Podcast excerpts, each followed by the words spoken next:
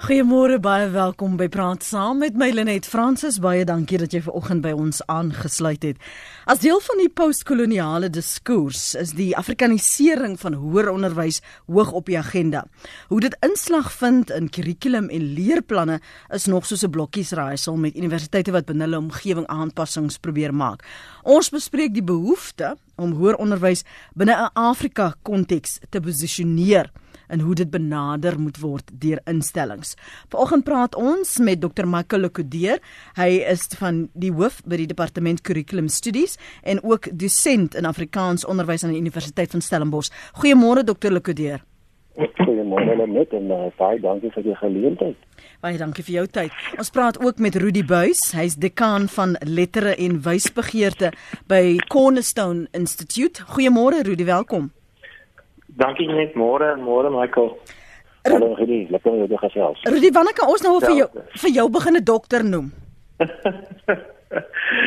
Junie is die graadeplegtigheid, so ek is baie opgewonde. Goed, Junie, maar daar sekerre protokols wat geld in akademia oor oor titels en wanneer dit aangekondig word en so aan. So sê vir my, die protokols binne akademia oor Afrikanisering of dan nou dekolonisering van die kurrikulum.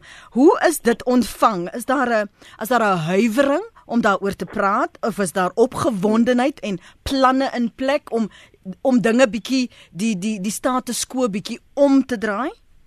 Dit is interessant net die weet gradeplegtighede is eintlik 'n baie goeie uh, gedagte om mee te begin. Jy weet baie keer sê mense dat die gradeplegtigheid soos ons dit ken waar jy weet mense oor die verhoog loop en direk oor die kansellier vir jou jy weet 'n tip op die kop met met 'n met daai weet graadplegtigheid hoed of met 'n graad en dan klap almal vir jou hande en jy stap af en iemand dis miskien jou jou studie voor en so dat daai hele manier van doen is eintlik nie tipies Afrika nie. Dis nie manier hoe ons in Afrika dit sou doen nie. So ons het dit eintlik oorgeneem van die tipiese ou manier waar westerse universiteite dit dit dit sou doen.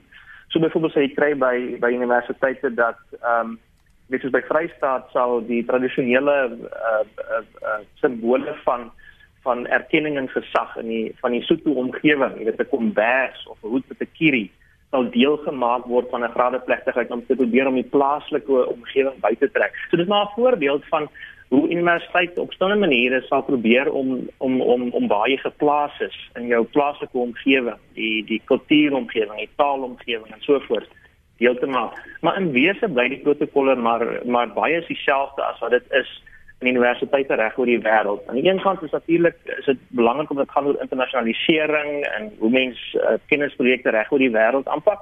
Aan die ander kant is die kritiek op die oomblik natuurlik dat dit dat dit te veel gebeur en dat daarmee samekom goeters kom wat wat maak dat ons eintlik wegkyk van ons plaaslike omgewing en ons plaaslike kwessies. So ja, en die protokolle is baie dieselfde as die elders sal vind. Nie heeltemal nie, daar's pogings, maar maar soos die kritiek op die oomblik is, ons ons die kritiek is ons ons gaan nie ver genoeg daarmee nie. Mm. Is dit wat die die probleem skep in die wyse waarop ons met mekaar hier oor praat Dr. Lekudeer dat ons wil gesien word as 'n instelling wat internasionaal kompeterend kan wees, wêreldgehalte sodat ander uh, van oorsede nou ook by ons sou wou assosieer of of uh, saam met ons wil uh, vir ons geld gee, donateurs wees, maar aan die ander kant skep dit ook vervreemding vir die plaaslike gehoor, vir diegene van ELC's of van waar iewers in in die Noord-Kaap om tuis te voel by so 'n instelling want daar word nie genoeg weerspieël van die geskiedenis of van die uh, die die loop van daardie persoon of of gemeenskap se lewe nie. Ja, net kyk, dat ek iets begin weer sê dat eh uh, ek stem saam met die daar word nog nie genoeg gedoen om die protokol te verander nie, maar ek wil te beklemtoon dit is maar die sekondêre debat. Met ander woorde, hoe die afrikanisering van die hoë onderwys gaan lyk. Kom ek sê by graad plegtighede moet jy toege aan hê, moet jy 'n hoed opsit of nie. Uh daai hele seremonie is maar baie westers. En en en dit gaan maar nog uh, uh aan in, in die meeste universiteite. Dit is my gevoel dat mense gaan baie sukkel om daarvan afstand te doen, maar ek wil beklemtoon dit is maar die sekondêre debat. Primêr moet die moet ons diskurs gaan oor die inhoud van die kurrikula, die inhoud van die syllabusse, en afrikanisering van hoër onderwys moet dus heel eerstens daar begin want dit word uh, uh afrikanisering van van onderwys uh fokus daarop of wil daarop fokus dat ons Afrika sal herontdek met sy lewensverskille, met sy mooi uh tradisies en met sy mooi geskiedenis en dat ons vir ons jong mense en ons studente uh, hernieude waardering gee. Kweek eintlik by ons jeug vir dit wat Afrika is. Met ander woorde, daar is nie op hierdie stadium mynsins en ek dink dit is waar jy die die die debat in die diskurs moet gaan uh 'n vervreemding van die internasionale uh toneel nie. Trouwens, ek is van die mening en die meeste uh professore in Afrika deel hierdie siening dat daar 'n plek vir albei.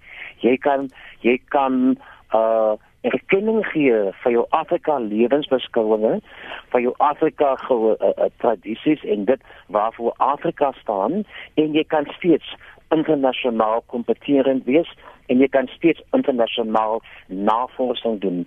Ehm um, dit beteken dus nie ons moet hier baba met badwater en hmm. al uitgooi nie.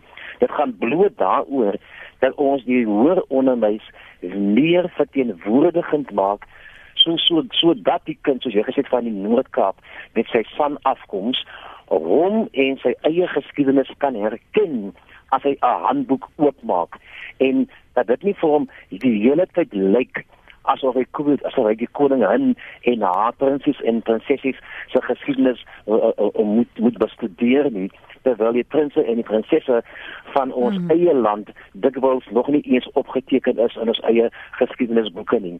So daar is plek vir albei en en en die geheim gaan wees hoe ons in harmonie en met sukses beide lewensbeskouinge inklusief kan aanbied in ons nuwe salades sodat ons jeug waarvan die meeste in elk geval swart jeugdiges is ook sal tuis voel soos hy nou so mooi gesê het sal tuis voel wanneer hulle hulle voete op 'n kampus sit tot dusver. Ja, ja, Rudy, ek wil ook ek wil hier daarop reageer, maar ek wil gou vir julle vra, onthou nou, julle julle altoes in akademie onthou ook net dat ons luisteraars mm. is nie noodwendig so nie. So ek probeer jy dat jy ons dit die hele tyd vereenvoudig hou sonder ja. om die die erns en die dringendheid van die inhoud en die verandering in die gesprek te verloor. So het ons nou eers meer ernstig hieroor beginne gesels toe die fees mas vol veld tog uh, daarop aangedring het dat um, die kolonialis moet nou uitgaan en in enigiets wat daarmee gepaard gaan of geassosieer word, die moet nou vernietig word. Of was dit in ons agterkop en het ons maar toegewings gemaak deur hier 'n soete hoed te plaas en daar 'n kombers? Nee, ek weet daai Hoe kom ek ek voorbeeld van die van die soetoebers kombers gebruik is nou met om dit lig te maak, maar om 'n idee te gee van baie die eenvoudigste vorm van waarvan mens praat. Kyk die jy weet as jy nou begin kyk hoe die hoe die beleid van hoër onderwys geloop het, dan sal mens nou onthou dat die eerste dekade baie gegaan het in na 94 oor hoe om hoe ons onderwys in in in lyn bring met die ontwikkelingsdoelwitte van ons land. Ons ekonomie moet groei, ons moet uh, weer 'n uh, uh, beleggings van oorsee trek en so voort en daarom moet ons hoër onderwysstelsel vir ons jy weet 'n uh, uh, arbeids uh mark gee en so aan wat daarmee belyn is. So dit was al die eerste ons breedweg kon sê. Nou, wat die Rousmas vol beweging af ons bewus maak in die volgende fase wil ek amper sê van hier onderwys is dit nou die die die transformasie, die verandering van hoër onderwys. Wat vroeër gegaan het oor half ekonomiese fokus. Moet moet nou bietjie skuif na baie dieper goed wat bietjie gaan oor oor uh, oor wat ons leer in die klas en wat wat ons leer vir ons sê uh wie mense is en wie ons as 'n land wil wees en so voort. So dit is amper asof die gesprek oor transformasie nou op 'n dieper vlak ingaan, bietjie op 'n onderstroom begin fokus, meer net as hoe om die grade nou reg te kry dat ons ekonomies kan groei. So dit gaan nie net oor wie slegter of beter nie. Dit sê eintlik daar's 'n proses van ontwikkeling. Die hele wêreld of ek wil amper sê akademiese wêreld rondom dekolonialisering en en afrikanisering en en so is is natuurlik baie oud. Jy weet dis dis jy weet groot skrywers is skrywers soos Edward Said, miskien sal lesers sy name nou ken en onthou jy weet uh mense soos Frans van Non en so wat wat mense wat al jy weet amper 'n eeu terug die lewe ingetree het en hy by die 60s 70s begin skryf. So dis nie 'n nuwe ding om oor die goed te praat nie.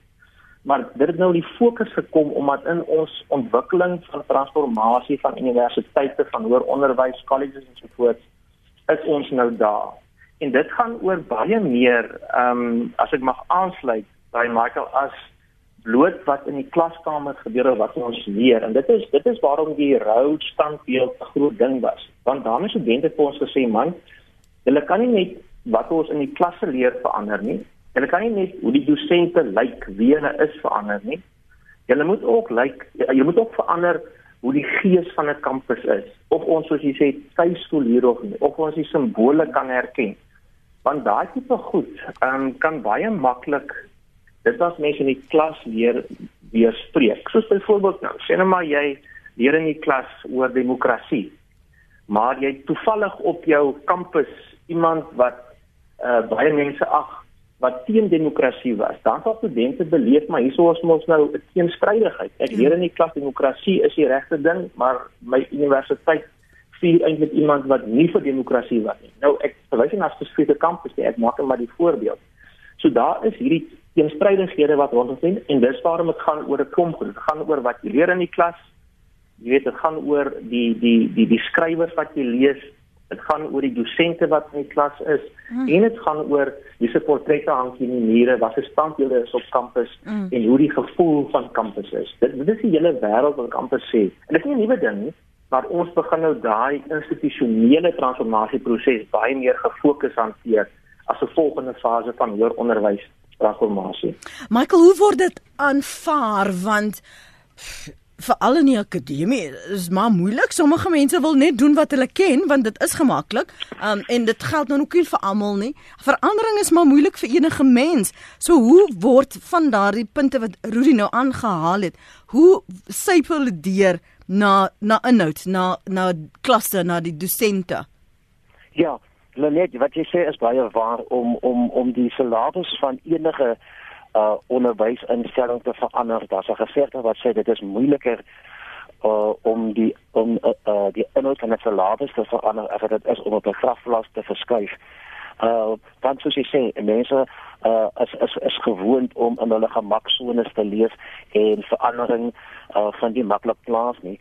Maar uh soos Rudy aangedui en ek wil dit beklem doen, hier is nie 'n nuwe ding nie. Yeah. Ja. Nou die hele binne in die Suid-Afrikaanse konteks is die is die transformasie agenda hoofsaaklik gedryf om hierdie onreg van die verlede uh ongedaan te maak en die hoër onderwysinstelling synde die die navorsers en synde die mense wat uh, hulle besig hou met die skep van nuwe kennis moet hierdie agenda dryf en bestuur en leiding gee aan die res van die land uh sodat die beginsels en die filosofie van van die van die Afrika uh gemeenskap neerslag vind in die kurrikula. Dit staan trouens so in ons grondwet van 1997 en die die die die die die oproep was juis gewees dat hoër onderwys met hulle met hulle leerstellings en hulle hulle salarisse belyn met hierdie nuwe lewensbeskouing soos vervat in ons grondwet. Maar jy weet en ek weet baie van die goed wat in die grondwet staan is hierso vandag hoeveel meer as twee dekades later, later ja. het daar nog bloed weinig van gekom. Die taal is maar een van die ander voorbeelde. Daar staan ook daar moet 'n elf tale moet ontwikkel word en ek en jy weet dit het nooit werklik waar plaasgevind nie. En toe die studente uiteindelik nou hierdie agenda punt opgeneem het soos jy ook na verwys het. Toe het ons opnuut besef maar ons het hierdie verantwoordelikheid dit staan so in ons grondwet dat ons moet juis ons ons ons onderwys inhoud aanpas en belyn met hierdie nuwe uh, Afrika lewensbeskouing en dit was juis ons voormalige president president Thabo Mbeki sal hy onthou in 1997 met sy toespraak ek is 'n Afrikaan wat die Afrika renaissance ingelei het. En hierdie afrikanisering het het ons het ons neerslag gevind in 'n Afrika renessans wat maar nou maar eers in sy beginskoene is, in in sy beginstadia is en hoe dit gaan uitspeel en hoe dit op die ou einde gaan neerslag vind in kampusse reg oor Suid-Afrika. Daaroor moet daar nog baie debat gevoer word, maar die agenda is dringend en dit moet dit moet gedoen word. Ek dink Rudy het verwys na standbeelde, hy het verwys na figure. Ehm um, 'n eenvoudige voorbeeld, jy weet op op die kampus van van Zululand sal 'n mens wel sien dat daar is 'n ereplek vir vir, vir koning Shaka, vir koning Moswes in op die kampus van die Vrystaat hier in die Kaap. Uh sien ons nog steeds die standbeelde van Jan van Riebeeck, maar waar is die standbeeld van Osho Matu? Uh hy het die bynaam gehad van die registrantloper. Mm. Daardie geskiedenis is nog reggestel in ons skoolhandboeke nie. Ons kinders leer nog steeds die verkeerde geskiedenis van Jan van Riebeeck, die nuwe kennis Daai al klaar vir ons daar op ons land het nie begin op 6 April 1622 met Jan van Riebeeck nie. Ons was 'n beskawing lank maar baie lank voor Jan van Riebeeck hier aangekom het en Osho Matu het uh, het aan die hoof gestaan van 'n beskawing uh wie se geskiedenis nog nie eens opgeteken is nie laat staan nog in ons leerplanne vervat word sodat hmm. ons jonge jeug daarvan kan kennis neem dit is baie prosesse wat hoër onderwys moet begin en mense sal ook wil sien dat die nasionale uh navorsingsstigting fondse gaan begin be, beskikbaar stel sodat ons jong studente kan begin om navorsing te doen ja. en hierdie inheemse kennisstelsels kan begin opteken sodat dit kan bewaar kan word vir ons nageslag en juis deur ons eie inheemse kennis na te vors die boekstaaf in aan die wêreld bekend te stel sal ons juis 'n beter uh erkenning geniet in die internasionale gemeenskap as ons begin om erkenning te gee aan dit waarvoor ons staan. 'n Eenvoudige voorbeeld, hoe het die van gemeenskap al die jare gesond gebly en hulle self gesond gehou? Hulle het dus 'n geheim gehad. Hulle het dus ook kennis beskik om medisyne uit die natuur te te te maak waarmee hulle en hulle volk hulle self vir eeue gesond gehou het. Hmm. Waar is daai kennis? Dit is die kennis wat ons op hoër onderwys moet begin navors en boekstaaf sodat ons almal daarvan die die die voordele daarvan kan geniet. Dankie vir die aanhou Teresa. Goeiemôre. Goeiemôre Helenet, luister as 'n gaste. Weet jy ek um, ek verstaan dat ons moet vernuwe en ek, ek verstaan dat ons 'n uh, 'n uh, meer volledige spektrum moet hê in ons universiteite veral as dit gaan oor ons land se geskiedenis en ons Afrika geskiedenis en en ons as ek kan sê ons roots daarso. Ehm um, en ek het self sielkunde geswat. So daar is in sielkunde toe ek destyds geswat het, was daar 'n baie klein gedeelte gewees van sielkunde in die Afrika konteks en hoe dit meer uit storievertelling oogpunt gedoen word as wat ons normaalweg as nou net kognitiewe terapie beskou. Maar ek dink dit is belangrik om ook daarop te let dat Suid-Afrika het van die beste universiteite in die wêreld. En 'n mens moet hierdie veranderinge met groot omsigtigheid doen sodat jy nog steeds 'n student oplewer wat in die wêreld kan gaan meeding. Want dis wat hulle doen. Hulle neem hierdie kennis en Suid-Afrikaners woon reg oor die wêreld juis omdat hulle so goed opgelei is. Nou ek, ek sou net regtig wou sien dat ons met groot omsigtigheid hieroor werk dat ons nie daardie status verloor en dat ons nie minder geleerde mense in die wêreld instuur nie. Mm. Goed, dankie Teresa. Ek weet Risa daarop wil reageer. Christof, môre? Môre, dis Christof wat praat. Ek wil graag sê dat ek is 'n student aan uh, in Pretoria, ek studeer grafiese ontwerp en dit is eintlik my kommerwekkend dat ons so praat oor nog aanhou praat oor die kolonialisme van onderwys terwyl my kursus al so gedekolonialiseer is dat daar baie goed is wat ek veronderstel is om te leer, maar eerder praat ons oor die kolonialisme. Soos byvoorbeeld ons sou 'n hele semester toegewy het aan die kolonialisme en dan nog steeds wanneer ons kunswerke bespreek, eerder om te leer oor hoekom oor die stilistiese elemente van die kunswerk en so aan praat oor so hoekom dit rassisties is en vir my is dit net kommerwekkend want dit voel vir my my kursusse waarde gaan af want baie goed wat ons moet doen doen ons nie meer nie. Mhm. Dankie. Ek dink Michael gaan daarop reageer. Kan ek sommer so voel. Rudy, kom ons gee jou kans of, om aan te sluit by wat Michael gesê het en dan ook te raak aan van die persepsie van standaarde dat afrikanisering beteken ehm um, die standaard gaan val. Ek sal nie kan meeding nie. Ek kan nie oor see gaan werk nie. Ehm um, want ek ek sluit nou uit. Hmm. Uh net jy weet wat Teresa sê oor onsigtigheid is presies die gesprek wat ons nou het.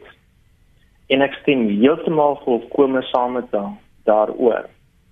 Dit is egter valse teenstellings om die die vernuwing, die omvorming van hoe ons met kennis omgaan in teenstelling te hou met kwaliteit met internasionale kompetitiwiteit en so voort. So om te verander en te vernuwe en te omvorm om slegter te wees maak vir niemand sin nie en niemand wil dit hê nie. So daai 'n valse teenoor. Ek dink daai teenstelling kom daarvandaan dat ons deur koerante gebombardeer word met fotos van studente wat biblioteke afbrand. En dan assosieer ons in die breë, in die algemeen, die proses van van omvorming met daardie beelde van afbreek.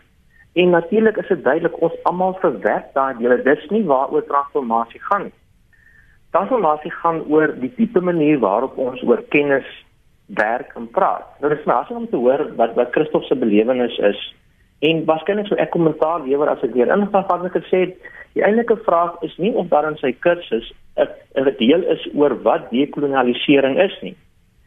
Die vraag sou wees, Christof, as jy verstaan wat in jou kursus aangaan, dan moet jy jouself afvra as 'n student, wie is die skrywers, die handboeke wat vir my gegee word om uit te leer? As ek handboeke kry wat net oor Europese kuns en net oor Indiese kuns en net oor Latyns-Amerikaanse kuns praat, maar niks oor Afrika kuns of niks oor Russiese veral jy weet jy weet algemeen byvoorbeeld dan is die vraag eintlik dat jy bepaalde menings en bepaalde skrywers as die enigste waarheid, die enigste menings leer. En dis die diepste waaroor die gesprek van dekolonialisering gaan. Om te sê in daai benadering tot kennis het die koloniale die, die koloniale denkers gesê, "Alright, hoe dinge in die weste gebeur, hoe die dinge vir ons gebeur, is eintlik die waarheid en die res is eintlik aan die rand en hulle moet meer leer soos ons. En daarom waar ons praat oor dimensiering gaan dit daaroor om daai denkraamwerk dat daar 'n kern is, dat daar 'n mense aan die rand is wat meer soos mense in die kern moet word om daai hele manier van dink af te breek. En dit gaan nie oor om om wit te vervang met swart nie. Dit gaan daaroor om die gedagte dat daar 'n swart en dat daar 'n wit is af te breek ten gunste van daarvan dat almal mense is in daarom werk met verskillende perspektiewe en diversiteit en so voort. Die teenstelling daarmee net en ek maak klaar. Is dat dekolonisering is iets anders as afrikanisering. Met afrikanisering word dan normaalweg, wil ek amper sê wetenskaplik verwys na hoe ons doelwitte seker maak dat waarop navorsing fokus, watter skrywers in kursusse ehm um, uh, vooropgestel word, watter inhoude geplaas word, dit dit spesifiek fokus op kwessies van Afrika, skrywers van Afrika en probleme van Afrika. En dit gaan konteks op hê. Dis dis verskillende goeie hier, so man, niks daarvan gaan nou oor oor jy weet rassisties vir jy weet jy weet vervang wit met swart of wat ook al nie of dit jy weet vervang Afrikaans met Engels. Dit gaan spesifiek daarom daai daai onderskeide uh af te breek en te sê, "Alright, hoe dink mens nie oor 'n sinvolle manier van hoe jy met kennis werk en hoe voorberei?" En dit gaan oor jou kompetisie in die internasionale omgewing. Ons as Afrikaners het 'n unieke bydrae in die wêreldgesprek rondom kennis. Ons staan vir niemand terug nie, maar dan moet ons ons eie vind. Ongeag of swart en wit is in dis waar dekolonisering en afrikanisering gaan. Enigiets wat jy wil byvoeg daarson, Michael? ek dink Rudy het dit ongelooflik goed uh uh gestel. Ek wil beklemtoon uh wat Rudy daar gesê het. Jy het gesê Afrikanisering is nie dat ons hierso pleit om anti-westers te wees nie. Maar dit is in dieselfde asem is dit ook nie 'n 'n 'n pleidooi dat ons nie meer van die weste wil leer nie. Ons sê en die hele die konsep uh, van afrikanisering wil jy sê dat die net soos wat ek van die weste kan leer, net so kan die weste ook van Afrika leer.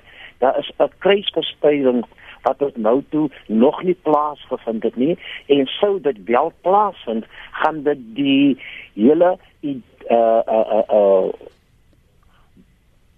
die hele kennis gaan sodanig verryk word. Dit gaan nuwe kennis skep en daardie kennis gaan 'n bydrae maak tot die ontwikkeling van die mensdom. Ehm um, ek was onlangs uh aan die Hong, die Hong Kong Universiteit daar in die ooste. Hy is vandag die 15de beste universiteit in die wêreld.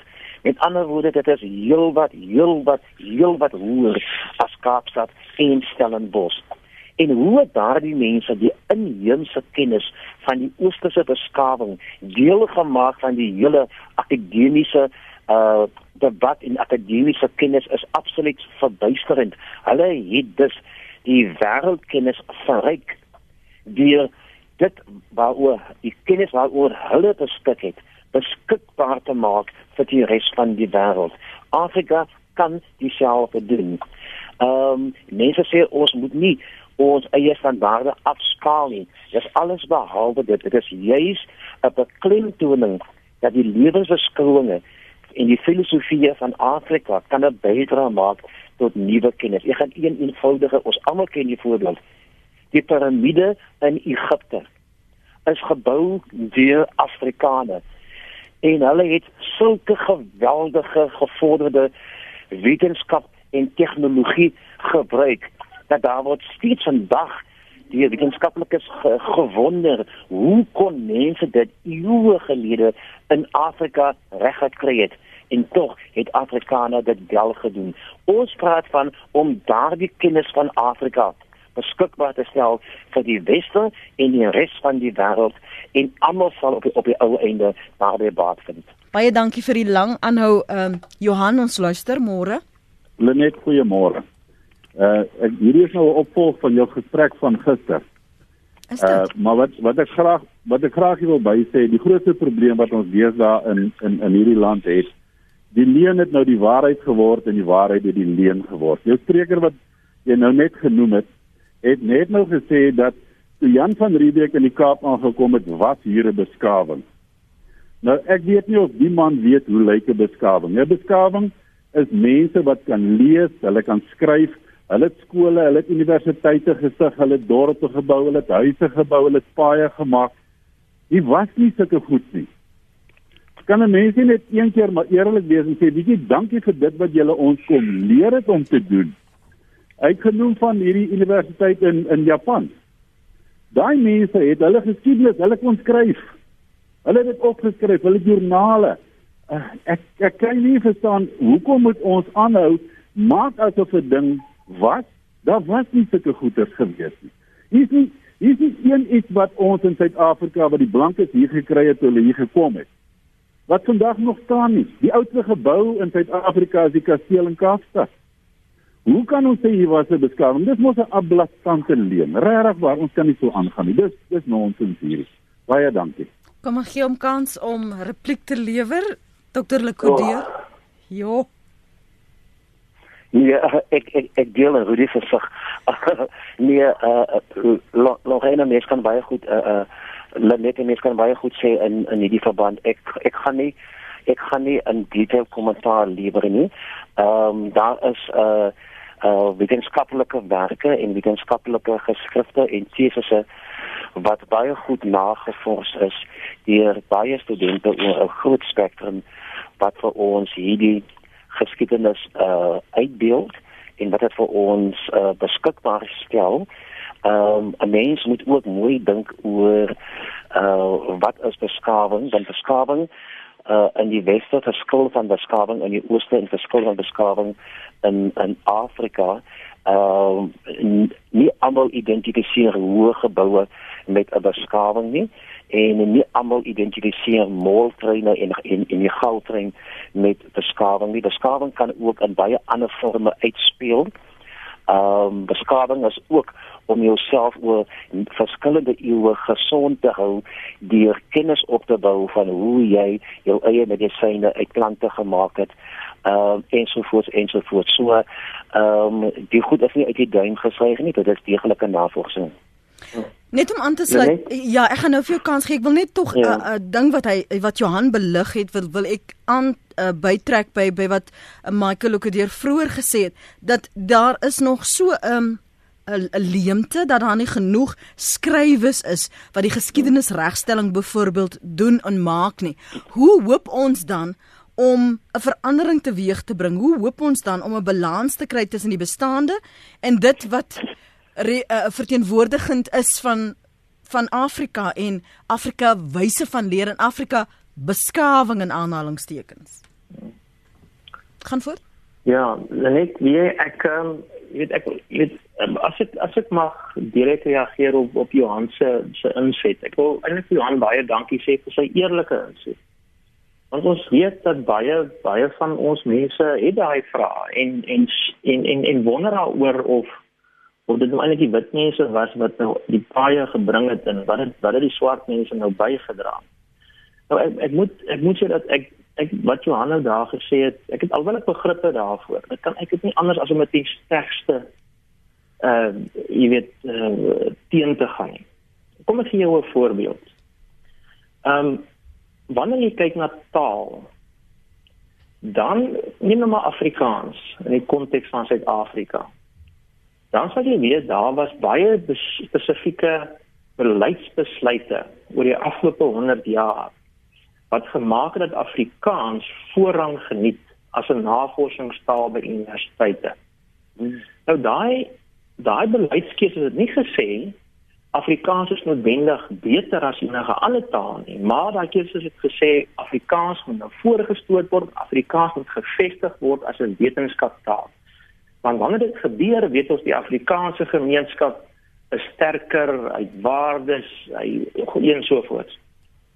Maar daai het ook daai besluit het ook beteken dat dat Sotho en isiXhosa en baie ander tale nie op dieselfde manier ontwikkel word as 'n wetenskaptaal nie. Nou sit ons hier en ons sê maar kyk, eintlik is jy weet is dit die wit Afrikaanse mense wat goed gedoen het, maar daar was keuse gewees oor in watter taal wie in moedertaal onderrig word en waarom die beter kan presteer in kwalifikasies sê nou maar. So, wat gebeur is, is die, dit is 'n voorbeeld om te wys dat wanneer ons onderskeide maak om te sê hierdie groep was so en daardie groep was so in beskawing lyk so en so dan dan sluit ons so bietjie ons oë daarvoor dat daar daar doelbewuste besluite was wat uitspeel in hoe 'n samelewing lyk, soos byvoorbeeld taal. En dis waarom Afrikaans vandag 'n sterker wetenskaptaal is as byvoorbeeld ander swarter taal, aan ander swarter ja, swart tale waarin daar ehm um, ehm uh, uh, minder van publikasie rekord byvoorbeeld is. Die ander wat ek wil sê uh, uh, vir jou natuurlik vir ons almal is die vraag is nie wie het die paai gebou nie. Die vraag is die feit dat ons dink dat wie die paaie gebou het 'n uh jy weet 'n teken van beskawing is daai benadering is wat ons moet bevraagteken want ja. die punt is wanneer jy kyk na Makungubwe in die noorde van ons land hmm. is daar tekens van 'n ander beskawing wat voorheen hier in ons omgewing was wat ander waardes gehad het wat net so gefloreer het al daai ander goede. So daar is voorbeelde waar ander maniere van beskawing gebeur het hier waar ons nou is, maar omdat ons tans by onsself dink paie is 'n manier waarop ons onderskeid tref of 'n wetenskaplike tegnologie wat uit sekere dele van die wêreld kom. Dit bepaal dat ons sê sommige beskawing ander nie. En dit is wat ons moet bevraagteken as ons eerlik is. Want nie alles van wat ons 'n beskawing noem, is goed nie. onder daai beskawing het wêreldoorloë amper alle mensdom vernietig. So daar is feitelikhede in daai beskawing wat voor voorgedruk word wat sê maar dit het nie alles mooi geloop nie. So ek probeer nie sê dat daar ander maniere is wat beter is nie. Ek wil weer sê wat ons moet uh uh jy weet ondervra en krities oorweeg is die feit dat hoe ons dink oor wat eintlik tel nie noodwendig onskuldig is nie. Dis 'n keuse wat ons maak as ander maniere. Maar so Michael dan as as dit die, ons is nog nie eens daardie gesprekke gehad het nie. Wanneer kom ons by die balans tussen die bestaande onderwyskurrikulums en wat in daardie leerplanne moet aangaan terwyl daar soveel diverse menings is selfs op die kampus, selfs in jou dosente korps. Hoe ja. hoe hoe skep jy die ruimte vir al want dit lyk nog as waar meer gepraat moet word voordat ons kan begine doen. Nee, verseker, uh, uh, net ons ons het nog nie naaste by genoegsaam hieroor gedink, besin en nie en nog nie naaste by hieroor gepraat nie. Ek het onlangs in 'n e-pos aan sommige van my kollegas het ons lees oor 'n bepaalde aspek gesels en toe het ek juist die punt gemaak dat ons ons ons praat nie genoeg oor van hierdie aspekte nie en ons moet gouer begin eerder as later. En en daarom is hierdie gesprek van jou uh van die RSG vanoggend soveel waardevol en so belangrik want julle herinner eintlik vir ons by alle hoë onderwysinstellings dat dit is tyd dat ons baie ernstig en baie nou geset en baie toegewyd begin aandag gee om die inheemse kennis wat bestaan in ons land maar ook op die wye kontinent van Afrika om daardie kennis te begin navors, te begin ontgin, te begin boekstaaf en te begin begin beskikbaar stel vir die res van ons. En Rudy het so 'n mooi verduideliking gegee oor oor Afrikaans en die en hoe Afrikaans bevoordeel is en en uh, en ek wil nie uh, in detail reageer op wat Johan gesê het nie, maar ek een punt mag maak. Jy weet, ehm um, die persoon wat ons ken, Harry die strandloper of Osho Matu, was voor 1752 al met 'n skip in in in Amsterdam gewees. Hy het Hollands geleer praat. Sy dogter kon ook die taal praat, daarom kon sy optree as 'n tolk in die hof van Jan van van Riebeeck om 'n paar voorbeelde te noem. Mense moet gaan kyk na die monument in Genadendal van die die Khoisan uh, stap wat daar bewaar word as 'n museum sodat die mense kan sien hoe het waar die beskawings gefunksioneer. 'n Beskawing beteken ook dat jy kan op 'n suksesvolle wyse jou kudde skape gesond hou en lewensvatbaar hou sodat daar 'n gesonde balans is tussen uh, vraag en aanbod van vars vleis. Dit is een van die redes waarom die skepe gereeld aan die Kaap stil gehou het want hier was 'n beskawing aan die Kaap waar hulle voorsien was van vars vleis en vars vrugte en vars water. Die mense aan die Kaap het dit vir hulle beskikbaar gestel want hulle het die loop van die jaar en was hulle besig met voedselvoorsiening en het hulle al het hulle toe al voedselsekuriteit gehad. So Hierdie debatte moet begin aan ons kampusse en dit moet so gou as moontlik begin. En ek dink 'n goeie punt kan wees dat die nasionale navorsingsstigting in Engels die NRF fondse beskikbaar maak sodat ons in die jongste kennis kan begin mm. ontgin en ons kan beurse begin beskikbaar stel en navorsingsstoele kan begin beskikbaar stel aan verskillende universiteite wat verskillende aspekte van ons inheemse kennis kan begin navors en dit moet uitloop op die skryf van tesisse, proefskrifte, uiteindelik uh, uh lesings en uiteindelik dan ook boeke wat dan deel gaan word van die akademiese kanon van ons nuwe toekoms.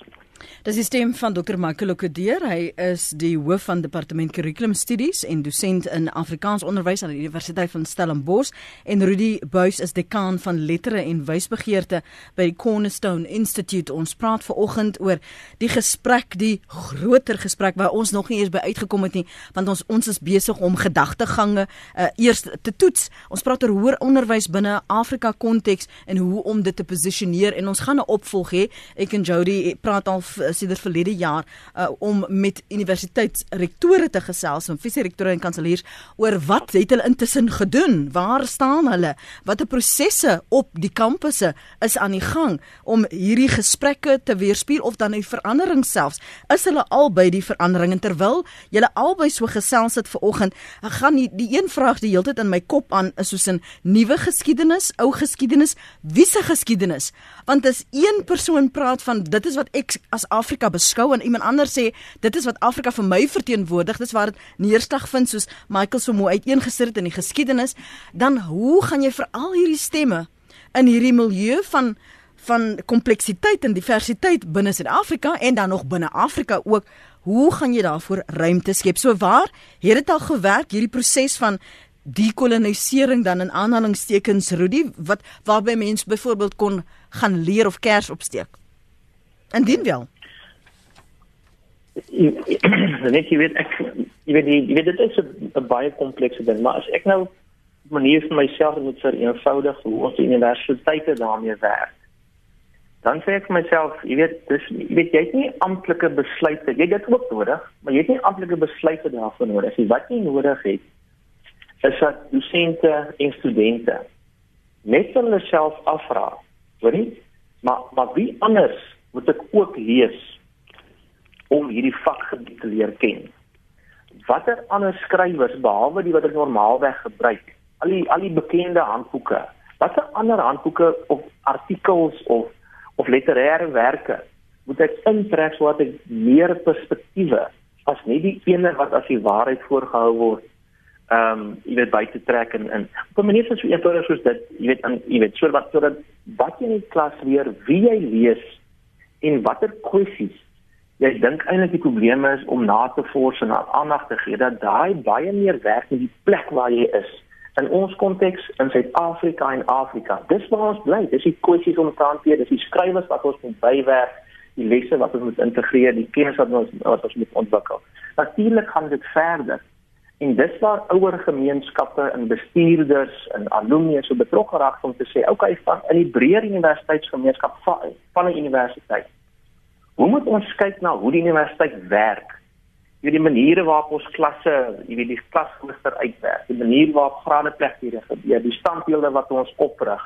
Weet uh hoe die alumni vergaderings lyk. Hoe ons moet na daai kyk en maar wat se opwindende nuwe maniere is daar wat ons kan kry wat alle mense al die verskeidenheid van tale en godsdienste en kultuurgemeenskappe almal laat tuis voel.